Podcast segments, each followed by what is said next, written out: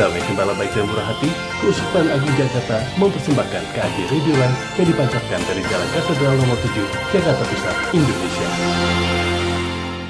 Apa kabar Anda teman setia KAJ? Kita berjumpa kembali di dalam acara Sekina. Dan hari ini kita kedatangan tamu pewarta Pak Mulyo Santoso. Dan saya Penta Rafaela bersama dengan Pak Mulyo Santoso akan menemani Anda. Apa kabar Pak Mulyo? Baik Penta. Teman setia KAJ, untuk hari ini Pak Mulyo memilih tema krisis pemberitaan Injil. Dan hari ini Pak Mulyo mau membacakan dari kitab suci dari mana ya Pak?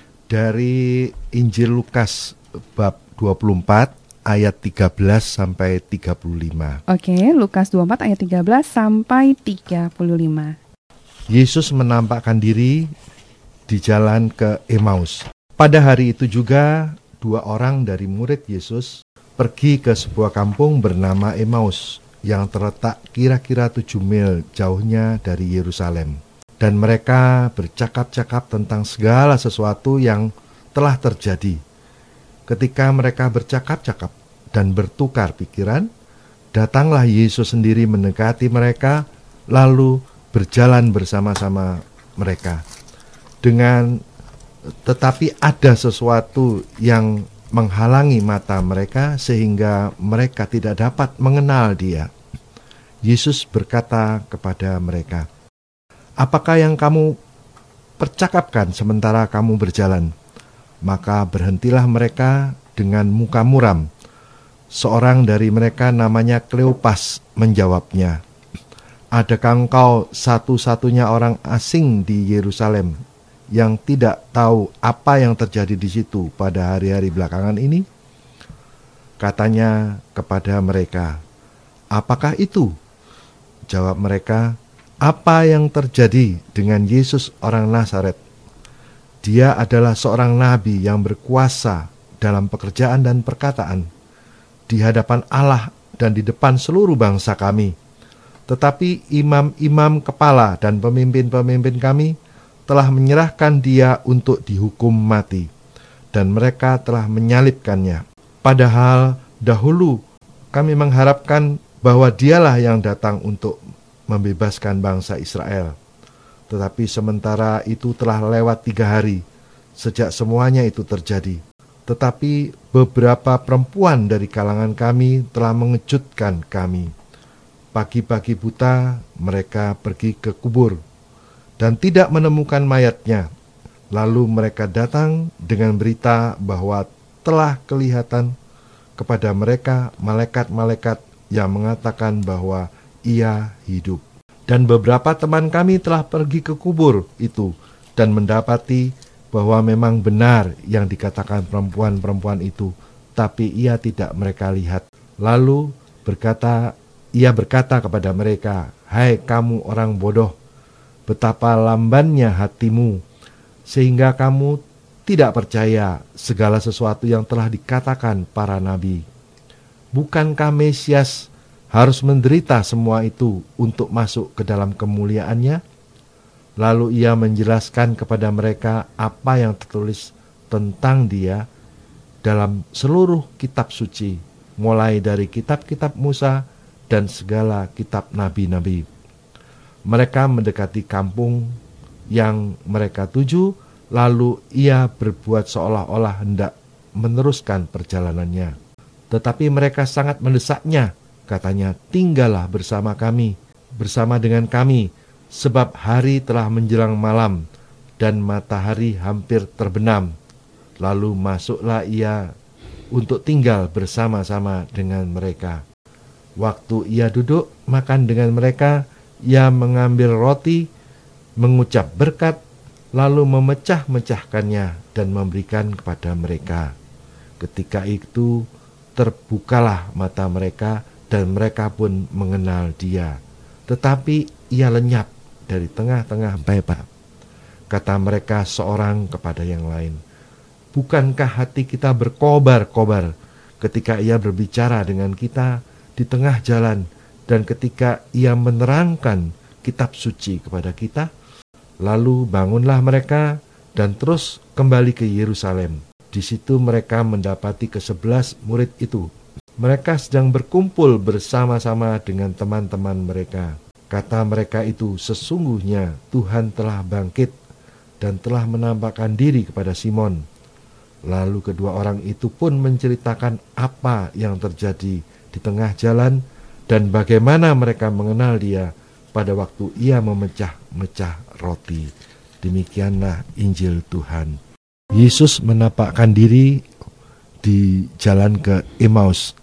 Kita akan membagi refleksi ini dalam beberapa bagian. Yang pertama, siapa kedua murid itu? Siapakah mereka? Siapa yang mereka wakili? Perasaan apa yang mereka alami dalam perjalanan itu? Siapakah kedua orang itu? Pada hari itu juga dua orang murid-murid Yesus pergi ke sebuah kampung bernama Emmaus yang terletak kira-kira tujuh mil jauhnya dari Yerusalem. Ternyata mereka adalah orang-orang yang amat diandalkan dalam gereja awal. Dua orang dari kelompok pilihan. Mereka pergi pada saat krisis, pada saat kesedihan. Dan mereka bercakap-cakap tentang segala sesuatu yang telah terjadi. Kekecewaan mereka, keraguan mereka, hilangnya harapan mereka, bergumul apa sebenarnya yang sudah aku lakukan selama ini. Benar enggak sih semua itu? Kok jadi begini? Apa selama ini aku tertipu? Apakah selama ini aku cuma mimpi? Dan pertanyaan-pertanyaan lain yang mungkin timbul. Ada rasa pahit dan kecewa.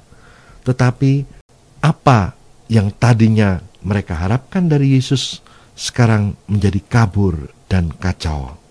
Apa yang mereka lakukan dalam situasi itu?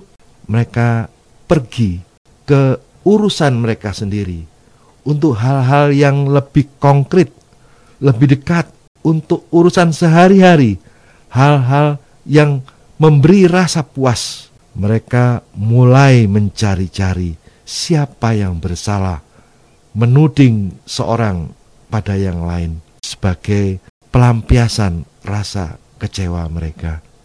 Para murid pergi dan melampiaskan rasa kecewa mereka selama perjalanan mereka ke Emmaus. Sebagai refleksi kedua, apa yang dibuat Yesus? Yesus adalah Injil Yesus adalah penginjil. Ketika mereka sedang bercakap-cakap dan bertukar pikiran, datanglah Yesus sendiri mendekati mereka.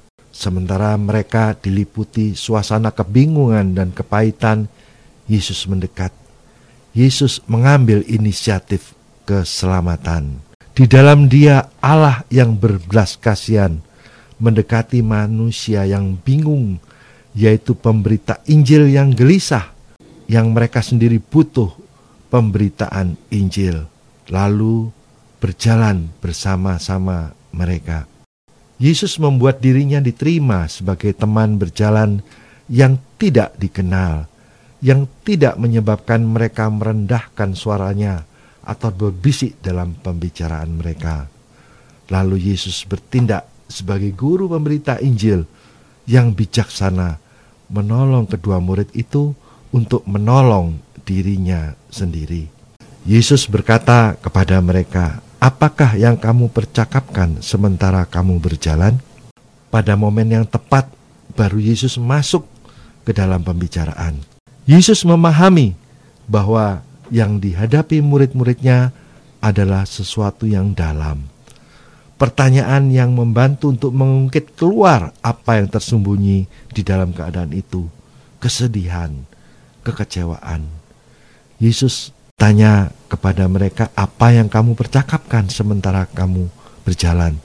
Lalu sekarang kita coba lihat bagaimana reaksi kedua murid itu.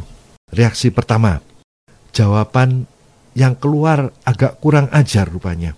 Apakah engkau satu-satunya orang asing yang tidak mengetahui perkara itu? Yesus tahu bahwa reaksi ini bukanlah jawaban yang sebenarnya. Reaksi yang kedua, para murid menyampaikan warta keselamatan dengan muka muram dan sedih karena mereka belum sepenuhnya mengerti tentang apa yang mereka sampaikan. Mereka mewartakan Injil hanya dengan bibir saja, bahkan tanpa menyadari bahwa yang dikatakannya adalah warta keselamatan. Ada pewartaan dengan kata-kata, tetapi hati tidak di sana. Yang ada malahan hati yang sedih, kecewa, dan itu menimbulkan kepahitan pada mereka yang mengatakannya dan tidak meyakinkan mereka yang mendengarnya. Teman setia KAJ, apakah saudara pernah mengalami seperti apa yang dialami oleh kedua murid ini? Suatu saat saudara merasa kecewa, saudara merasa sedih, dan semuanya yang saudara katakan tidak penuhnya saudara kuasai dan saudara mengerti. Sekarang marilah kita lihat tiga tahap per pewartaan Yesus. Tahap pertama, Yesus menegur dengan kata-kata keras. Hai kamu orang bodoh, betapa lambannya hatimu, sehingga kamu tidak percaya segala sesuatu yang telah dikatakan para nabi. Disambung dengan tahap kedua, Yesus menyampaikan pewartaan biblis mengenai sejarah penyelamatan rencana penyelenggaraan ilahi dari para nabi sampai apa yang dialaminya. Pada tahap ketiga, Yesus menyatakan dirinya dengan tanda yang sudah mereka kenal, yaitu pada saat memecah roti, mengucap berkat, dan membagi-bagikannya. Lalu mereka mengenali Dia. Yesus memperlihatkan dirinya dekat pada mereka, ada bersama mereka, seperti yang dikatakan oleh para murid. Bukankah hati kita berkobar-kobar ketika Ia berbicara kepada kita di tengah jalan, dan ketika Ia menerangkan Kitab Suci kepada kita? Saudara-saudara, kejadian atau peristiwa mana yang membuat saudara bingung, kecewa, bertanya-tanya, ragu-ragu, yang menimbulkan kepahitan tuduhan dalam hati saudara sehubungan dengan penginjilan dan apa yang saudara lakukan dalam menghadapi situasi itu? Marilah, kalau saudara menghadapi situasi seperti ini, undang Yesus, beri kesempatan kepada Tuhan Yesus untuk berbicara kepada saudara secara pribadi dan menolong saudara memahami situasi yang saudara alami ini. Saya pernah mengalami suatu saya akan sharingkan pengalaman saya ketika itu tahun 2002. Waktu itu ketika pertama kali pertobatan saya, saya disembuhkan oleh Tuhan melalui empat retret yang saya ikuti empat bulan berturut-turut. Saya mulai banyak sekali sharing tentang pengalaman saya disembuhkan oleh Tuhan. Biasanya saya sering kali pingsan, sering kali pingsan. Pingsan itu dalam situasi uh, saya tidur, lalu tengah malam saya terbangun, pingin kencing. Ketika saya kencing, lalu saya pingsan. Itu terjadi terus menerus gitu loh. Sering sekali saya mengalami hal tersebut saya ikutin retret e, penyembuhan luka batin, saya disembuhkan oleh Tuhan. Dokter, ah dokter jangankan menyembuhkan saya, tahu penyakit saya juga enggak gitu loh. Dokter ahli syaraf, dokter yang lain-lain internis, yang lain-lain juga enggak bisa sembuhkan. Begitulah saya merasa sudah disembuhkan, lalu saya memberikan kesaksian dan diminta oleh beberapa teman uh, memberikan kesaksian di beberapa tempat. Kira-kira 8 atau 9 tahun kemudian, pada suatu hari saya pergi ke rumah sakit untuk menengok teman uh, mantan ketua wilayah itu yang saya gantikan. Dia mengalami kecelakaan. Kecelakaan yang cukup fatal gitu.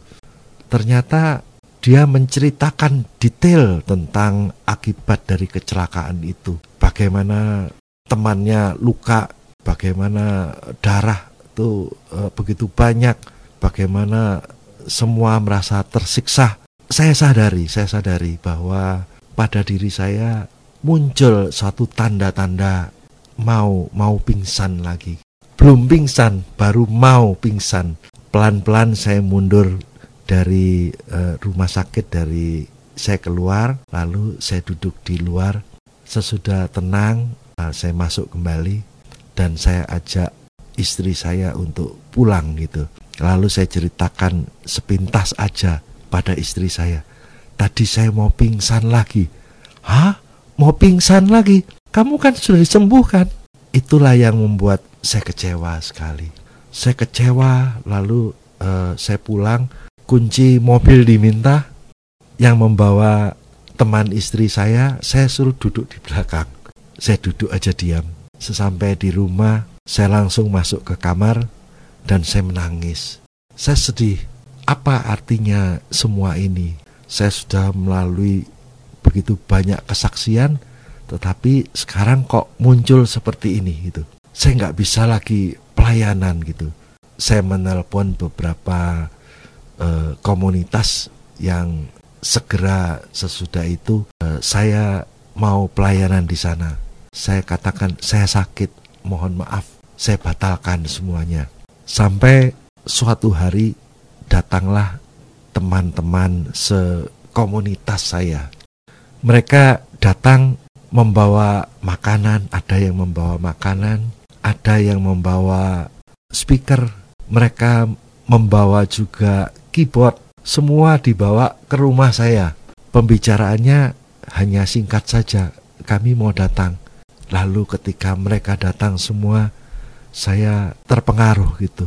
Saya terpengaruh, saya lihat wajah-wajah mereka begitu senang gitu. Lalu kita mulai mengadakan komunitas itu di rumah, mulai yang membawakan firman ternyata salah seorang teman saya ketika itulah saya merenung dalam hati.